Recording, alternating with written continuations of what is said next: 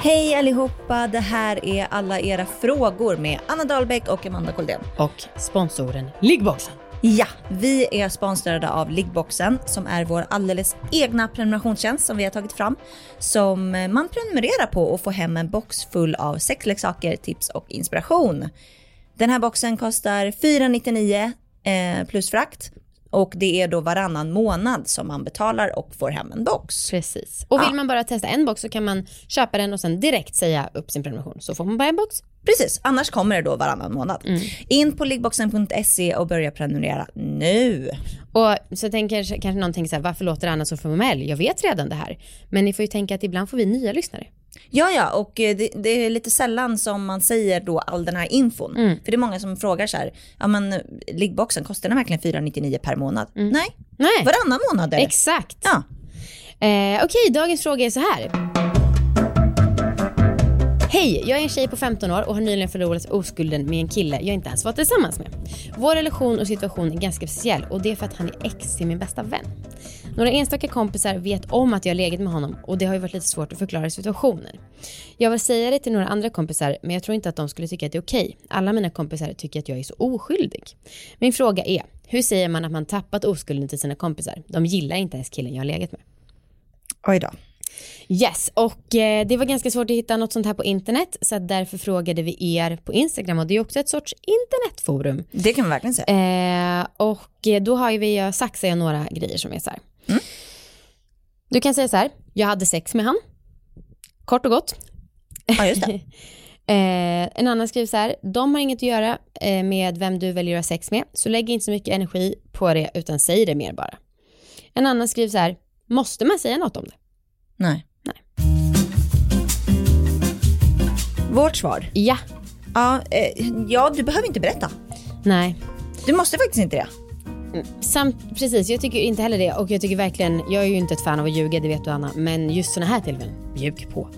Men, Ja. men, men samtidigt, alltså, tänk, du vet ju själv hur det var, den här snacket. Ja, har du haft sex än? Har du gjort något sexuellt? Bla, bla. Alltså, då ska man ha ett riktigt bra pokerface för att kunna stå emot och inte säga något. Ja, och det är ju i skolmiljö, då är det jävligt mycket skvaller. Ja. Eh, risken är ju att det kommer fram. Mm. Eh, och jag vet inte riktigt den här relationen med kompisen, bästa vännen, eh, vars ex du har legat med.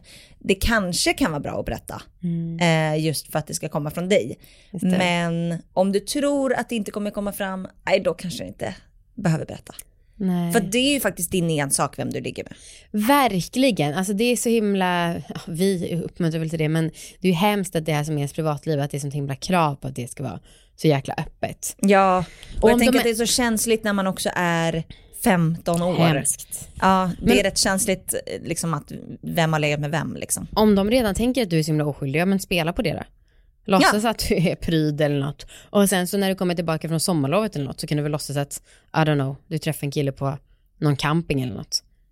För att kunna få berätta eller? Ja men för ibland vill man ju skryta om att man har haft sex. ja, Och då ja, kanske får du väl dra en story. ja precis. Ehm, eller så ler du bara lite hemligt och säger, I don't kiss and tell. Just det, Mm. det kan man göra. Vi har en expert. Mm. Eh, det är från Umo. Den skriver så här. Du har rätt att hålla ditt sexliv för dig själv. Jag tycker inte att du ska berätta vad du och din pojkvän har för erfarenheter av sex om du tydligt känner att du inte vill det. Det kanske känns naturligt att prata om sex lite längre fram, men du har alltid rätt att hålla det för dig själv om du vill det. Du kan tydligt visa att du tycker att frågorna är för närgångna om dina föräldrar frågar igen. Alltså det är om föräldrarna då frågar. Säg att du inte vill prata mer om det och gå därifrån ifall de inte respekterar dina åsikter. Det finns andra än dina föräldrar som du kan prata med om du har frågor om sex eller annat som du tycker är känsligt att prata om. Din skolsköterska, skolkuratorn eller en lärare som du litar på som kan funka som stöd istället. Du kan också kontakta en ungdomsmottagning. Lycka till. Ja, och som sagt, det är faktiskt din ensak. Ja. Puss!